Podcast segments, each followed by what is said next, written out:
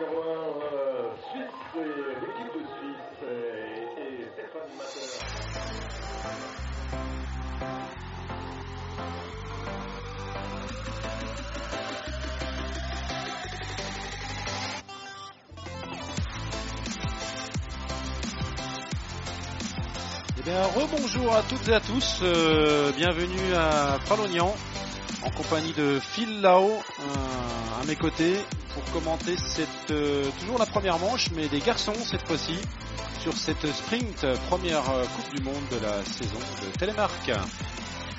Bienvenue à tous.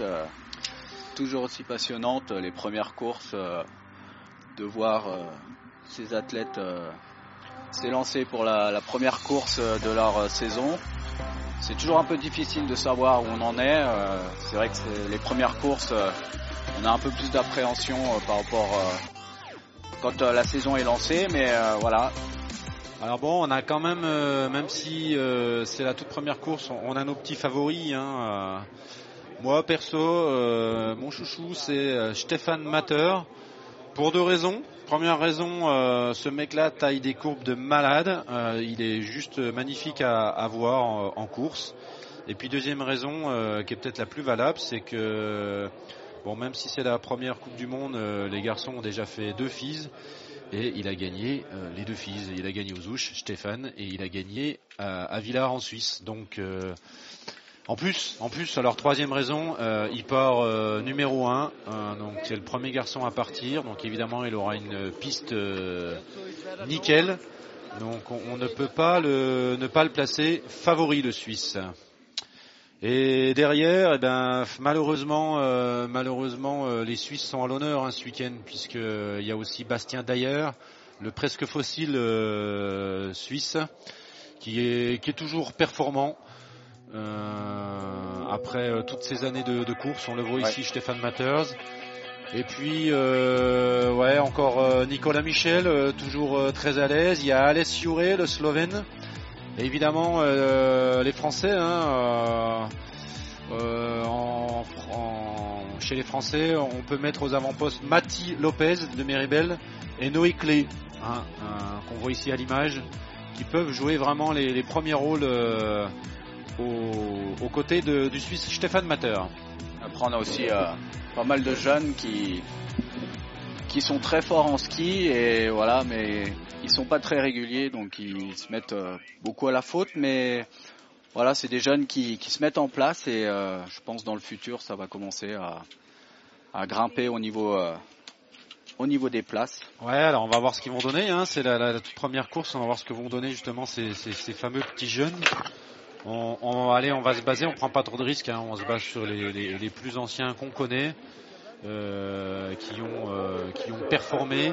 Stéphane Matters, euh, il faut savoir que alors l'année dernière, il gagne pas en sprint puisque le gagnant l'année dernière, bah, c'est Phil qui gagnait encore. jusqu'à sa dernière saison, mais il gagne la classique, Stéphane. Il avait gagné il y a deux ans, encore une fois, cette même classique à Pralognan. Donc euh, je pense qu'il affectionne tout particulièrement euh, Pralognan. Il a gagné et je pense qu'il a à souhait de regagner à nouveau aujourd'hui. Après, on peut aussi avoir un, Jonas Schmidt, l'allemand, euh, qui, euh, voilà, il est, il est, il est pas là sur toutes les courses, mais, mais c'est quelqu'un que je sais qu'il il envoie vraiment du gros et il fait parfois même très peur parce que dans les looms, des fois, il rentre à pleine vitesse et il, voilà, il a, il débranche le cerveau et il y va, quoi. Ouais, euh, alors, évidemment, hein, ouais, tous ces ça petits passe jeunes, ou ça euh, casse. Ces petits jeunes, ils ont les dents longues, hein, ils vont pas se- ils ont- ils sont pas ici pour faire de la figuration et, et j'espère, j'espère bien pour eux qu'on aura, en tout cas pour nous aussi, euh, qu'on aura des surprises et qu'ils vont réussir à, à se placer. En tout cas, sur cette course, euh, voilà, on part sur un, un- un petit, un plat, donc euh, il faut vraiment prendre de la vitesse pour arriver au saut avec euh, beaucoup de vitesse. Et euh, parce que la ligne, euh, on l'a déjà vu chez les filles, elle est très chère. Ouais, 20 23 mètres, hein, encore plus loin la ligne, la ligne garçon. Allez, Stéphane Matters en course. Alors regardez bien, ce, ce- ce- cet athlète est, est peut-être le, le- actuellement le, le plus joli à voir. Il prend des, des- Voilà, des de inclinaisons de, déjà, malade. rien que sur le plat. Ouais.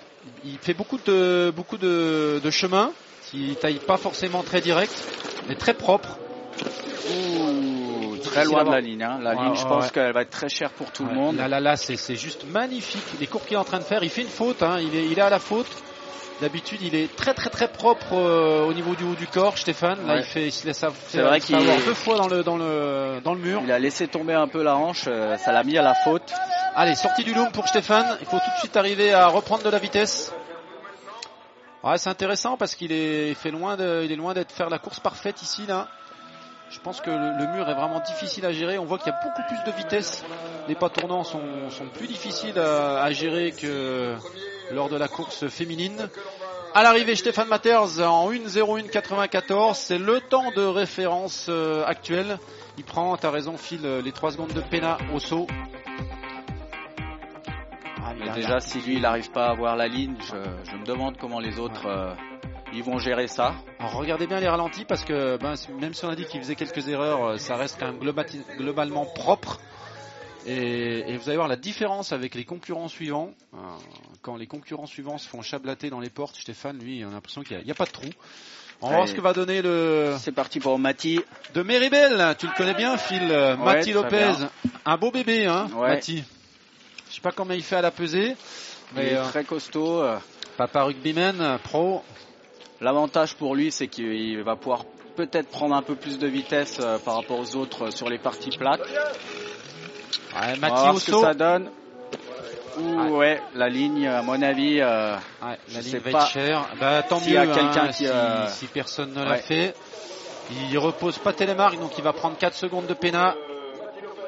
Allez Mati, c'est propre, hein, le géant et la, la partie euh, du mur est bien skiée.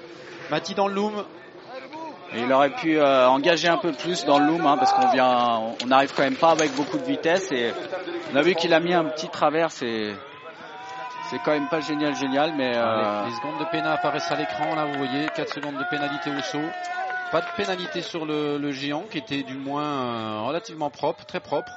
Allez Mati Et il est derrière, 2 secondes et demie. euh, alors une seconde et demie si on accepte la pénalité qu'il a pris au saut. Une seconde et demie en, en temps pur. Derrière le Suisse Stéphane Matter.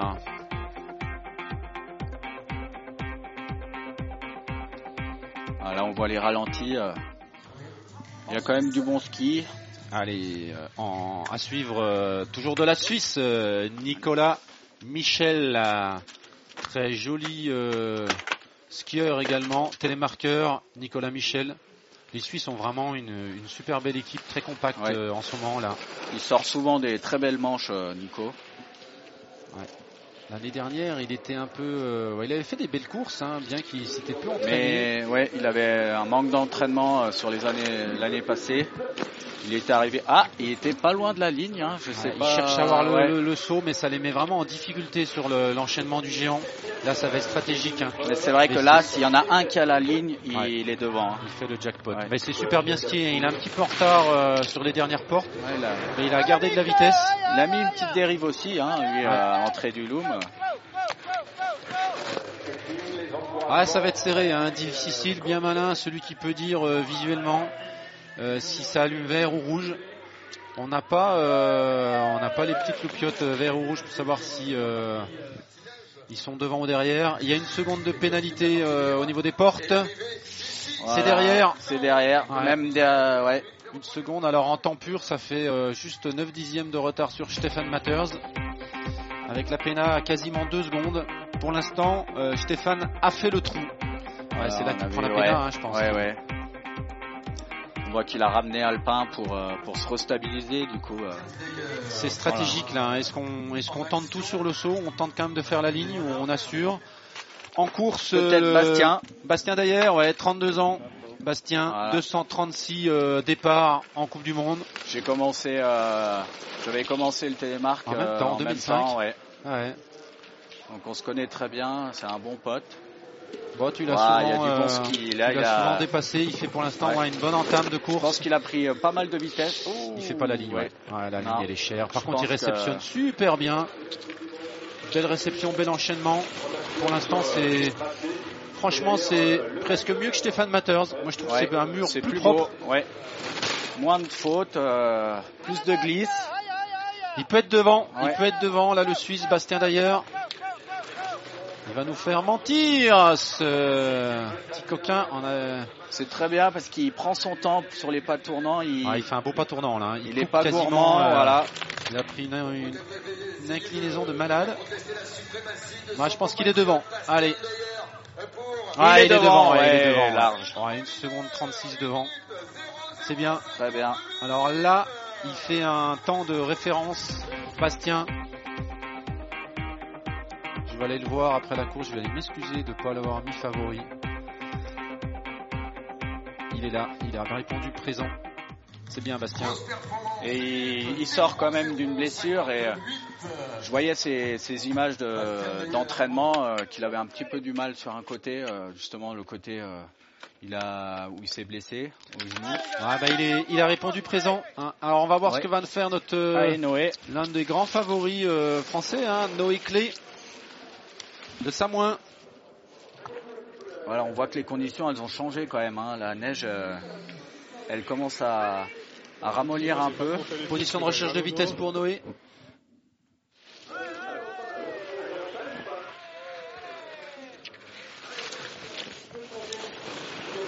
Ah, c'est super bien fait là, hein, pour Ouais. l'instant, un petit peu chablaté là dans la rouge.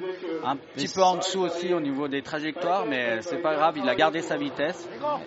Le loom pas mal. Limite dans le loom, hein, euh, je pense qu'il a, fait son max là dans le loom. Bah, c'est un beau géant, c'est un beau géant pour l'instant. moi, c'est pas devant, mais ça, il peut se glisser entre euh, Bastien et Steph. hein. Ouais, le, le- Peut-être un peu moins impérial sur le skate.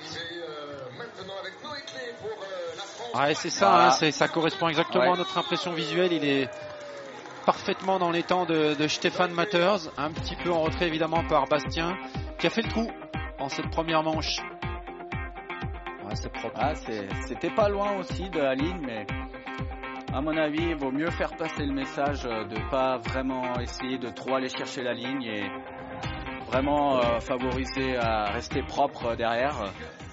Ouais, il est dans le a, a- a pris la ligne. Il est dans le coup, en tout cas, notre petit français, ça fait plaisir. Ça fait vraiment plaisir. Ça laisse euh, augurer euh, une belle deuxième manche. Allez sur le Slovène en course.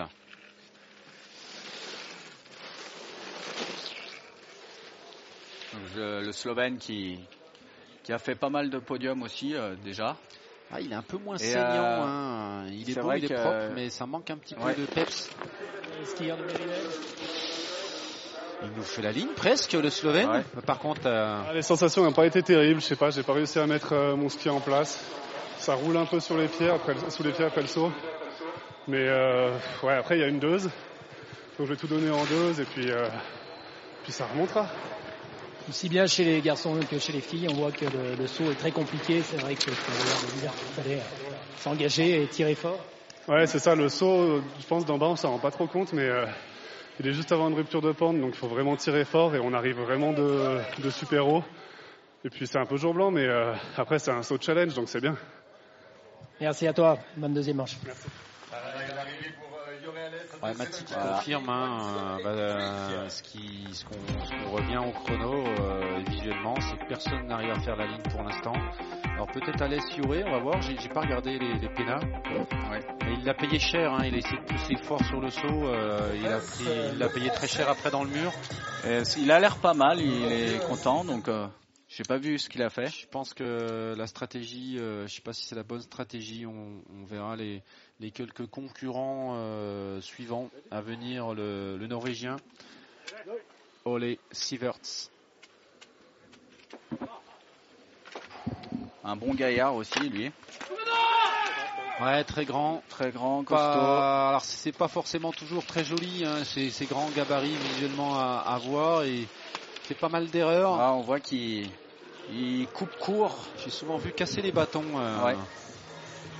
Ouais, le problème des bâtons en carbone, hein, le, le choc. euh, C'est léger mais c'est fragile. Ouais. Euh, bon, Je pense pas qu'il ait la ligne. Non. Le Norvégien. Ça me semble moins percutant dans, le, dans la partie géant. Là, on voit que les conditions elles ont changé. hein. Là ça commence à chablater un peu plus par rapport au premier. Oui, on a ma, Et comme Mati nous a confirmé, Ouais, ça, ça roule un peu sous le pied. Ça doit, ça doit ressortir un peu de la, de la boulette. Le, le- le- le terrain qui a bougé un petit peu. Puis c'est un peu jour blanc, hein, on l'oublie, mais euh, on a une légère couverture nuageuse. Donc euh, ben, évidemment, sur les réceptions de saut, euh, ça arrange pas les choses. Allez, le Norvégien, dans les dernières euh, glisses avant la ligne d'arrivée, il est derrière. Deux secondes et demie. Cinquième.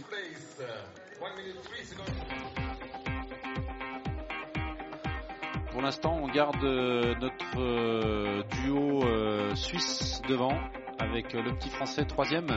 Ouais. En course euh, à venir, en tout cas, de la France, de Méribel, euh, Adrien Etiévan. Adrien Clément qui toute sa famille sont un petit peu euh, fins au niveau euh, corporel. Ouais, c'est des fines cuisses. Voilà, on les appelle, ouais, on les nomme les, les poireaux. Les poireaux. Ah, vous allez voir pourquoi euh, les poireaux. Alors, un des poireaux en course. euh, allez, Adrien. C'est pas mal ce qu'il propose là. Il prend de la vitesse. La transition était un petit peu longue là. C'est bien skié pour l'instant. Ouais. On arrive sur le saut. Ah, la Loin de ligne, euh, Mais loin. bon, il, il se place bien du coup pour euh, l'entrée du mur. Ouais. C'est ma foi magnifiquement pour l'instant euh, négocié ce mur. Un petit peu chablaté dans la rouge là. Ah non Adrien Ouh, Pas celle-là. ouais. Ah là il a laissé de l'énergie. Allez, là, Ouais, faut se donner. Faut se donner, faut se propulser vers l'avant pour euh, vraiment euh, pouvoir euh, pousser sur les bâtons et Et générer de la vitesse, ouais, on Ouais. entend son entraîneur là qui le, qui le booste à la sortie du loom. Savoir que, bah, comme on le disait, hein, les, bâtons carbone euh, cassent euh, assez souvent, régulièrement. Il est huitième, il est un peu derrière. Euh, et du coup, les, les, les coachs souvent prennent l'habitude d'attendre à la sortie du loom pour pouvoir éventuellement donner un bâton de rechange aux coureurs qui les auraient cassés sur la partie géant.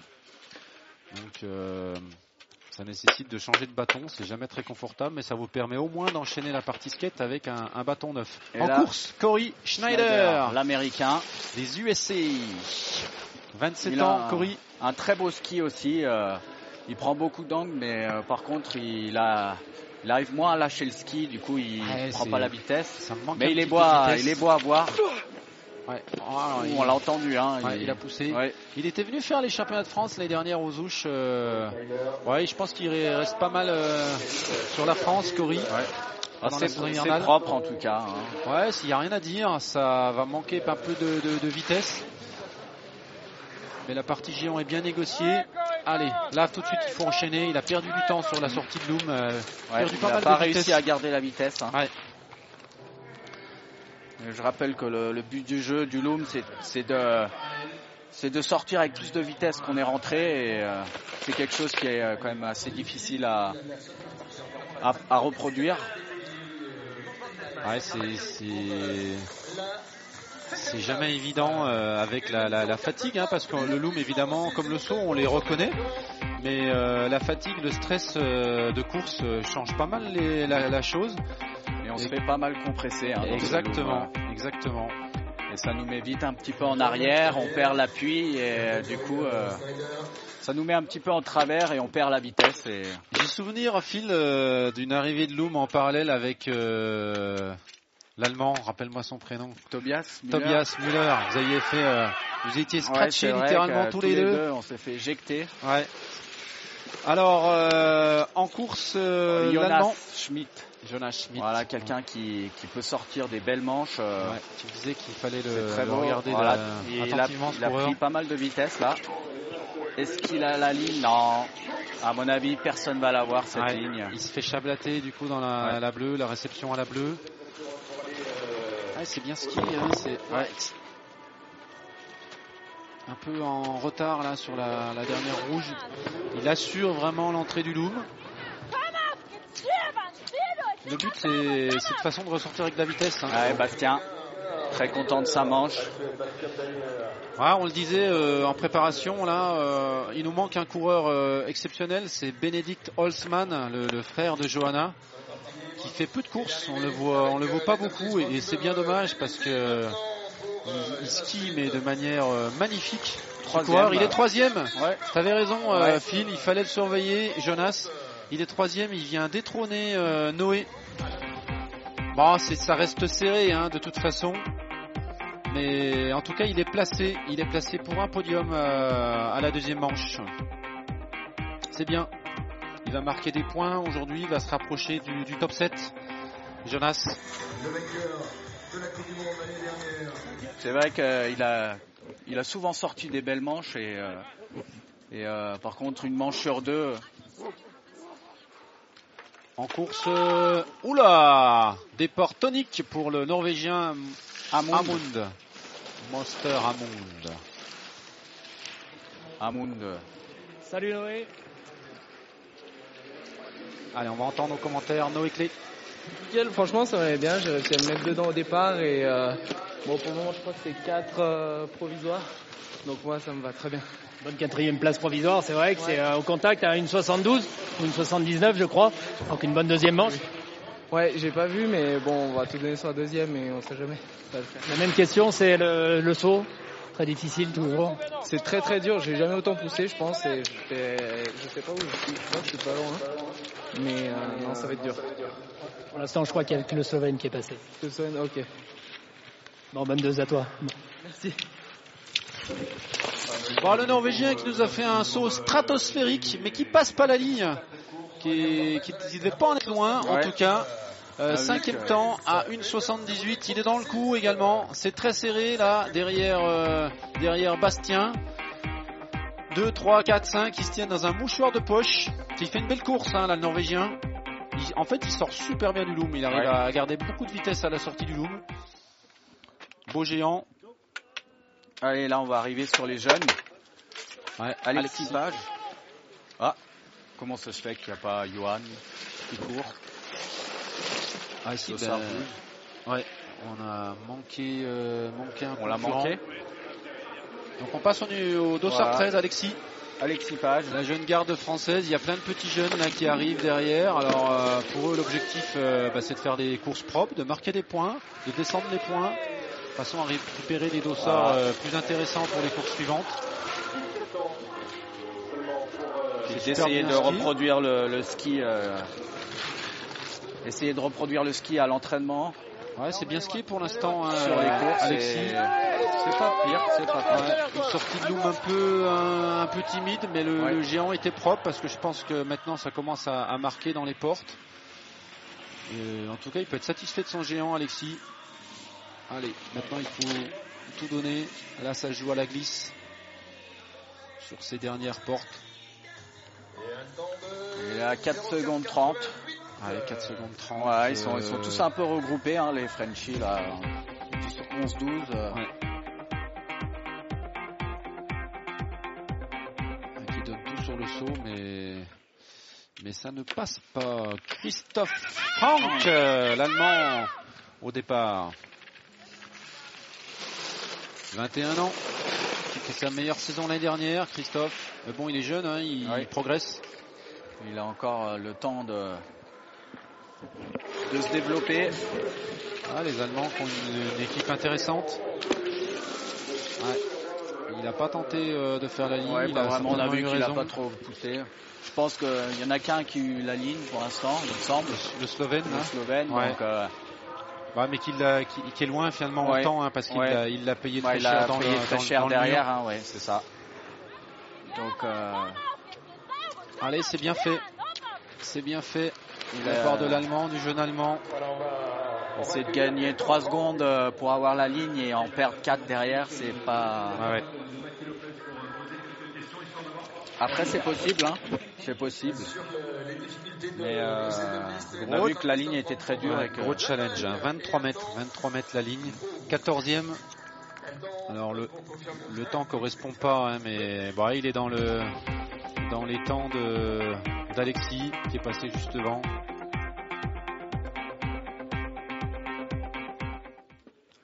Encore un Français à suivre, Ah, euh, Théo.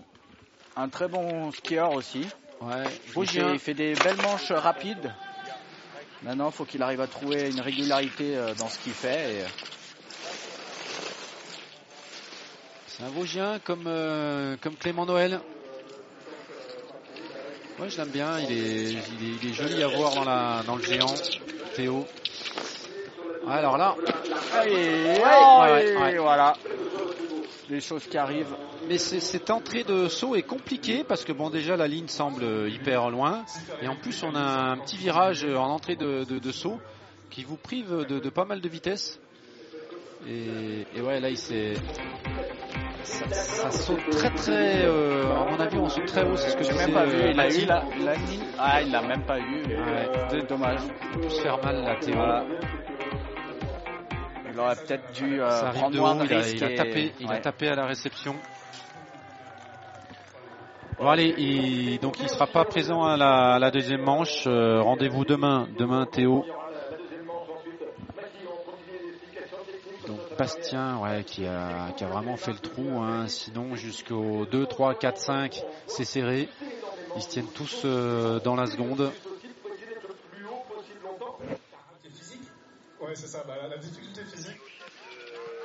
Course, le- l'Allemand Thomas Orliovus.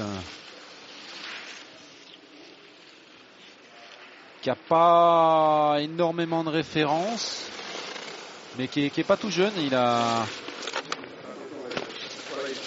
Mais il a 30 ans, euh, Thomas. c'est vrai qu'ils ils progressent pas mal, les Allemands, là.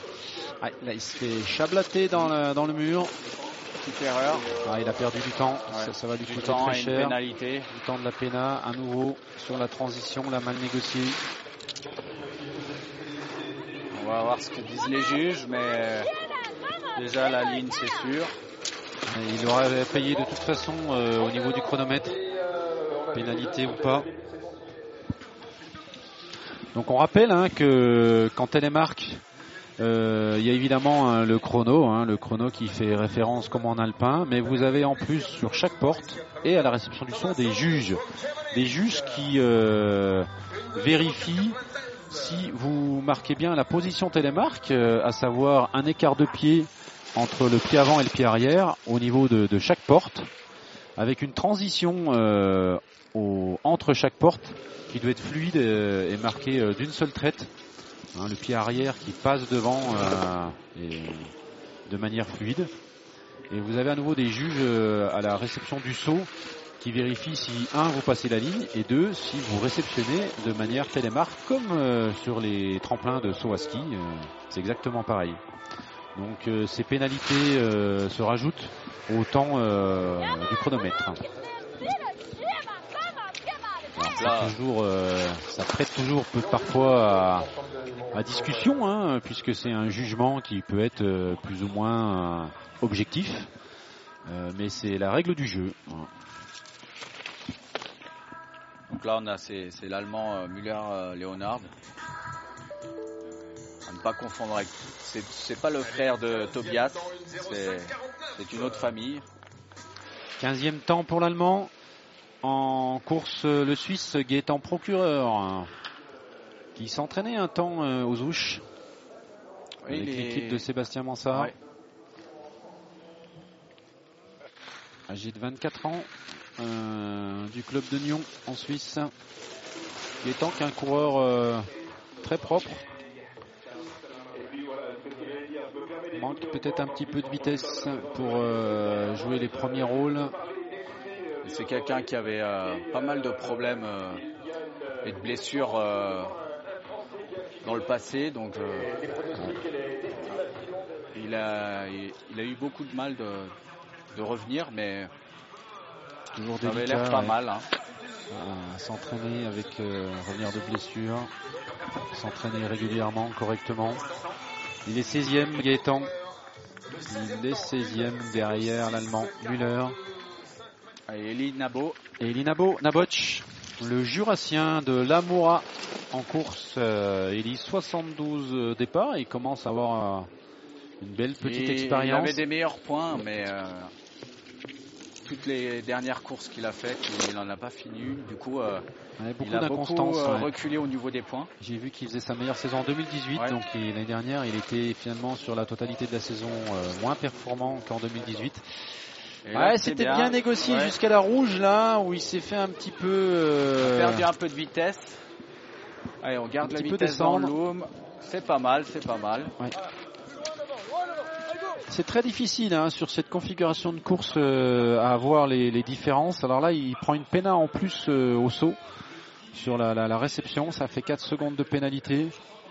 Bah, ça semblait euh, correctement négocié, sinon sur la partie du géant. On va voir par rapport aux autres Français. Ouais, 15e, ouais. Ouais, 15e. 19e temps. Ah, un Italien Un Italien en course. Italie qui a pas une grosse grosse équipe, donc ça fait plaisir de les voir. Raphaël Malnek. Malnek. Ça, C'est très italien ça. Ouais. Allez Raphaël On le découvre ici l'italien, hein. pas beaucoup de références sur le circuit Coupe du Monde. Ça fait trois ans, il me semble, qu'il a, Ouais. qu'il a commencé.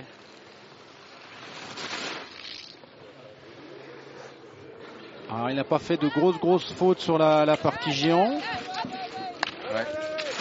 Ah, c'est, il faut arriver à relancer. Allez, il n'est pas tournant là sur la partie skate. C'est compliqué, c'est pas tournant. Ça paraît pas très physique, hein. c'est pas une, un, gros, un gros plat montant à remonter. Mais C'est très technique. c'est technique, ouais, c'est technique. Ouais, il, il perd du temps sur le, assurément sur la, la partie fond. Raphaël, C'est vrai que c'est difficile au, au niveau du gestuel d'avoir euh, des bons appuis en, en pas tournant et, ouais, d'arriver à, à descendre, à faire une bonne propulsion. et à utiliser justement le camp du ski pour se lancer aussi. Il y a des fois, on voit des athlètes qui arrivent à, à décrocher les crochets du, du- des chaussures à la sortie de loom pour aborder la, la partie skate, mais c'est pas toujours évident. On n'a pas forcément non, le ouais. temps. Et... Mais ça se fait plus trop. hein. Ouais, ouais, C'était plus avant euh, sur les longs classiques. euh, ouais, stratégiquement, ça valait pas le coup. Là, il se fait, il se fait malmener l'anglais Louis Hatchfell euh, dans le- la partie du mur. Ah, quel est dur, euh, qu'il est dur ce mur de Pralognan, qui plus est avec un jour blanc, avec une piste qui a un petit peu euh, changé. ouais. Les conditions, c'est vrai que les appuis, on voit qu'ils ont du mal à avoir des bons appuis. Et, et vous imaginez bien qu'en télémarque, euh, ben, l'équilibration est, est encore plus précaire. Donc euh, très difficile de, de- de gérer ces, ces aspérités sur la piste. 18e Louis, 18e place. À suivre le Norvégien Iver Exeberg. 20 ans, tout jeune Norvégien qui a fait ses débuts, c'est sa deuxième saison en Coupe du Monde. Saut relativement bien négocié, en tout cas pour l'entame du géant. Allez, là il faut tenir. Il faut tenir dans ces, dans cette rouge là encore à venir. Ouais, c'est là que ça les chablate un peu. hein. qui, est, qui est vraiment dur à gérer. Du coup, ça les met en retard pour le- l'entrée de Loom.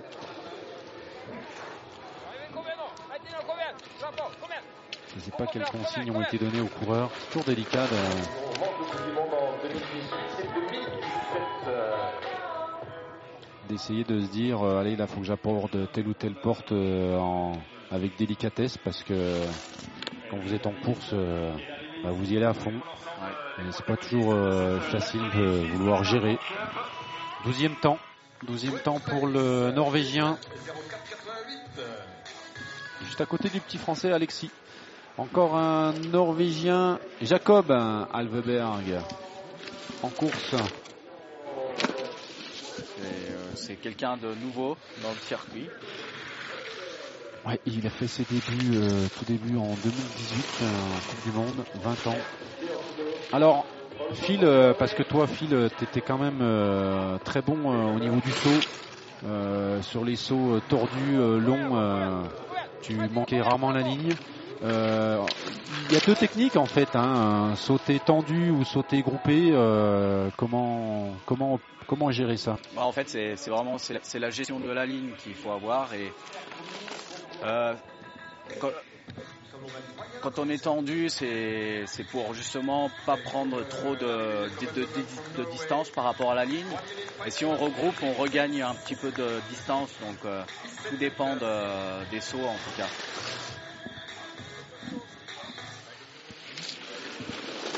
Et là, on a un jeune français aussi, Maël euh, Val- Valentin Martinet. Non, Maël Martinet. ouais, qui part à la faute. Ouais, ah, il- Quasiment euh, à peine dans la porte suivante par rapport à, à Elinabo qui était tombé lui aussi dans le mur. Ouais, c'en est fini pour le français. Que c'est Ah, dur, il part en avant. Ouais. en avant et euh, voilà la, la hanche qui tombe, donc euh, tout sur l'intérieur et c'est dommage. En course, le Suisse Valentin Reduit. Mais bon, c'est des jeunes, ils sont là pour euh, prendre de l'expérience et Ouais, c'est dommage qu'il ait, des départs. qu'il ait pas pu faire du coup. Ben, là, il pourra pas participer à la deuxième manche. Il faudra qu'il mise tout sur la, la course de demain. Donc là, on a un Suisse euh, Valentin. Alors lui, là sur la ligne, ça c'est clair. Comme ça, il peut gagner de la vitesse sur les portes suivantes. Allez, la, la porte difficile, c'est celle-ci là. Ouais. Il est resté bien au-dessus. Ouais. Alors, c'est bien géré, euh, peut-être un peu moins de vitesse, du coup bah, il s'est Ouais. moins fait malmener le Suisse. Ça Ah, il faut aller chercher devant là, faut pas rester sur les talons.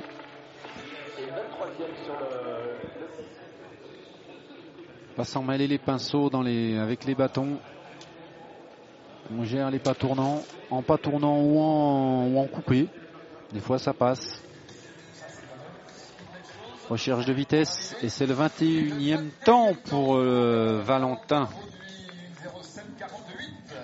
À venir euh, de l'Angleterre, Sean Bingame. 22 ans, euh, direct dans la réception du, du saut. Alors, on rappelle que c'est Seb Mansart qui a tracé. Hein. Donc, Oui. euh, L'entraîneur des, Anglais. Alors avec un parti pris de tracer euh, de manière euh, très espacée, beaucoup de beaucoup de courbes, mais des espacements euh, verticaux assez importants. Je crois 26-27 mètres sur la, partie basse.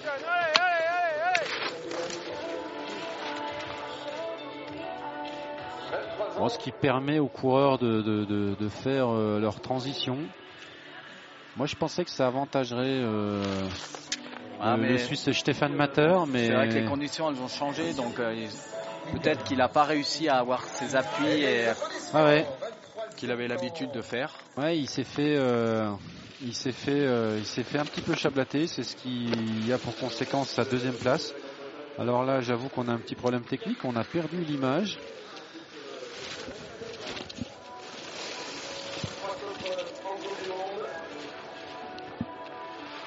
On va retrouver ça, vous inquiétez pas.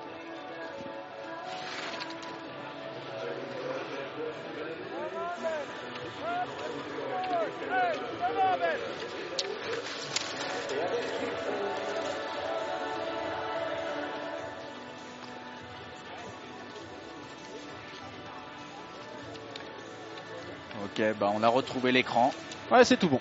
c'est tout bon. On a retrouvé l'image pour euh, Un autre anglais, euh, la course de Ben. de sort Romain Benet. Ben Hemsley. Ben Hemsley, ouais, excusez-moi. Et ensuite on aura euh, un autre anglais encore, Dixon Alec. Qui est dans le mur. Ouh, Alec Dixon de la famille Dixon. On a le, le papa Neil qui est euh, qui est directeur technique et on a le frère qui va qui va arriver. Tous les trois du, de Crozet, petit club euh, du Jura, du Jura Sud. Les Dixon qui ont la particularité, euh, alors la particularité d'avoir une maman allemande, un papa anglais et de vivre en France. Voilà. Qui fait des études d'ingénierie aéronautique euh, à Loughborough University. Alec. Allez, 23e temps pour Mister Dixon. Après, on a un petit, un petit jeune euh, Et ben c'est encore, euh, c'est peut-être le frère Dixon. Ouais. On a sauté euh, le petit français qui est pas arrivé. Donc on a le, le frangin Colin Dixon, l'aîné, 22 ans. Allez Colin qui assure l'entrée du loom avec ses skis euh, Blauschum. Tu courais là-dessus, non, Phil? T'avais pas cette marque de ski euh, Si, oui, sur la, la dernière saison, j'ai couru euh, dessus. C'est ski italien, non? Oui, une marque italienne. euh, C'était des skis un peu plus souples, euh, ça rentrait plus facilement. Et euh, bon, ça tenait quand même bien. euh, par contre, quand on prenait énormément de vitesse, euh, j'avais j'avais l'impression de perdre un peu les appuis, mais euh, Ouais, c'est une marque spécifique télémarque. non, non, pas forcément. on euh, les voit c'est- pas beaucoup euh, en alpin, ces skis. C'est vrai que bon, le, le- le- C'est vrai que c'est pas Le- très connu hein, comme marque.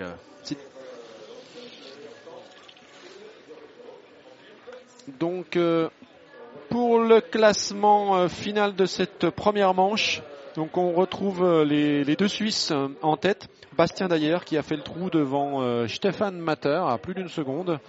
Et ensuite c'est très serré, hein, les cinq premiers se suivent dans un mouchoir de poche.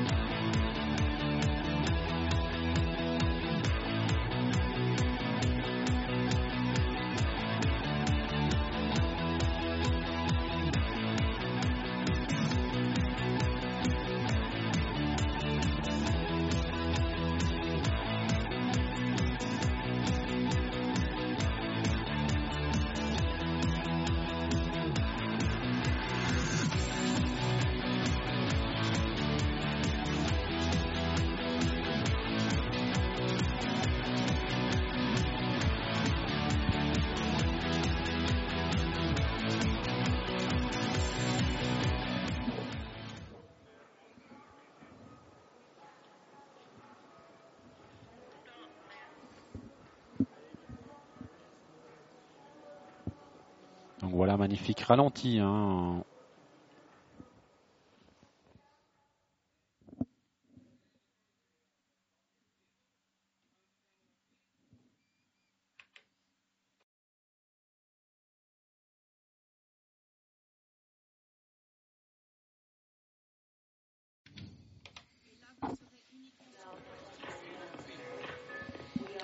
On a vu ces magnifiques ralentis hein, des trois premiers. Course magnifique de, de Bastien d'ailleurs. Euh, Il nous a fait du, du Stéphane Matter dans le mur. Bravo, bravo à lui. Donc là, on termine avec les, les derniers concurrents de, de cette première manche euh, chez les hommes. Dossard euh, 33, Nikolai, le russe. un concurrent russe, c'est le seul. hein. Alors je crois qu'il il vit pas plus ou moins en Suisse. euh, notre euh, ami euh, Ouais, russe. semble que c'est ça, oui. 40 ans, donc il est plutôt jeune, mais pour autant peu de références sur le, la Coupe du Monde, en tout cas euh, peu de, de- pas de podium, pas de victoire évidemment. En retrait un petit peu le russe. est toujours présent. Chaque année, il revient sur le circuit Coupe du Monde. C'est le 26e temps pour lui. Ah, ça c'est le jeune d'Andorre. Ouais, l'équipe Voilà. d'Andorre, tu disais que les, les Espagnols et les. Andorrans avaient fait cause commune.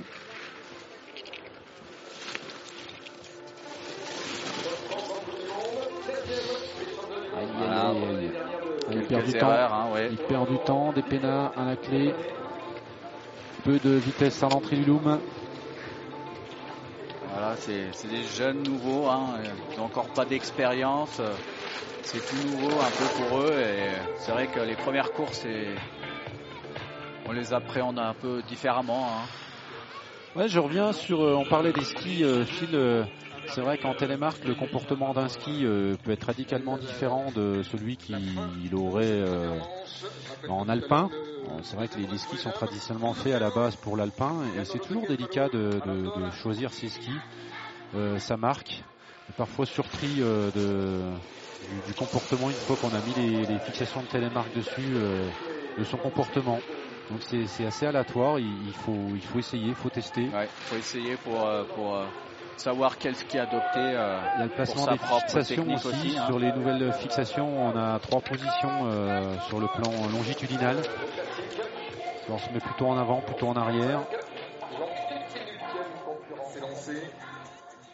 C'est lancé. Dossard 35.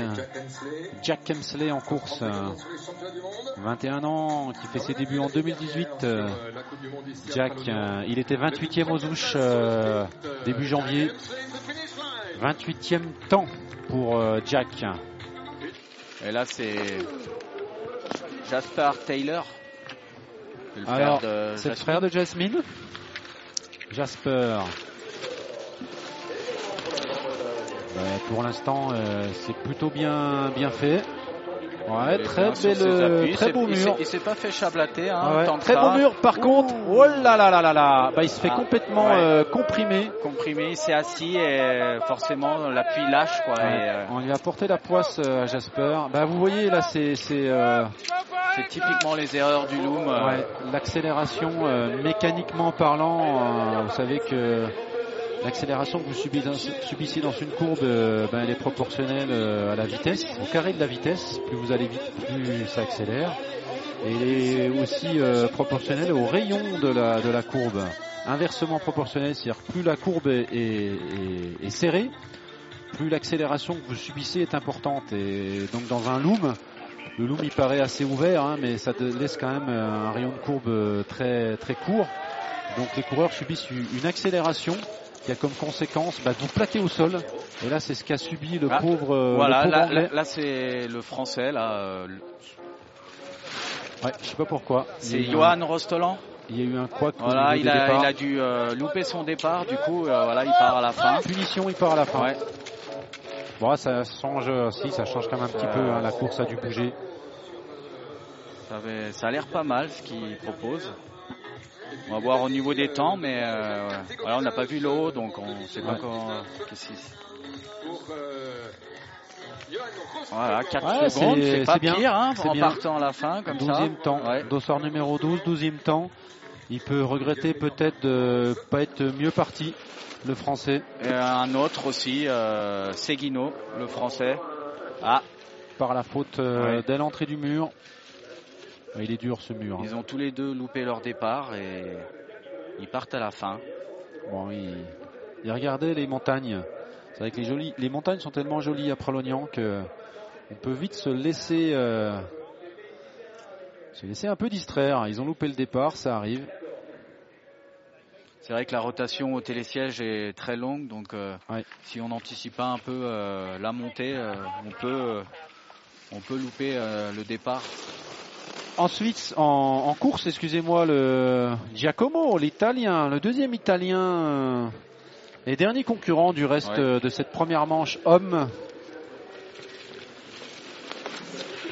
Giacomo Bormolini, De 2003, ouais, tout jeune italien. jeune. Il est limite à la limite de la rupture là. Que- Ça doit être sa première Coupe du Monde. Je hein. pense qu'il va prendre des difficiles à dire euh, vu de face, mais ça semble en pénalité.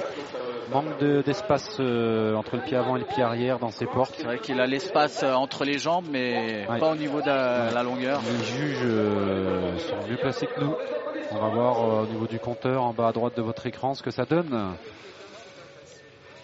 Petit peu des fois, on ralente pour bien mettre l'équilibre. Pas pas de pénalité sur la ligne et la réception, mais pour, sur dans les portes, dans, euh, le, dans géant final. C'est le 23e temps du reste pour, euh, pour l'Italien. Voilà, on en reste là sur le, le classement provisoire de cette première manche. Donc, euh, on répète, un Bastien Voilà, Dayer, Bastien. meilleur temps devant Stéphane Matter, les deux Suisses aux avant-postes et Jonas Schmidt juste euh, en embuscade. Et notre Avec- avec français, euh, le français, ouais. Noé, qui Noé est quatrième. Donc, euh, bah, il y a du suspense. hein. Tout est jouable dans la deuxième manche avec le jeu des pénalités. euh, Rien n'est perdu. Hein, rien n'est euh, perdu. Ouais, c'est un peu comme en biathlon. Ça, arrive, peut beaucoup euh, changer. Ça arrive souvent de, de, de foirer la première manche et de revenir vraiment en force sur la Ouais. deuxième. Donc euh, Ou l'inverse. on verra, on verra ça tout à l'heure. ou d'être. Eh bien, merci à vous. On se retrouve dans quelques instants pour la deuxième manche féminine.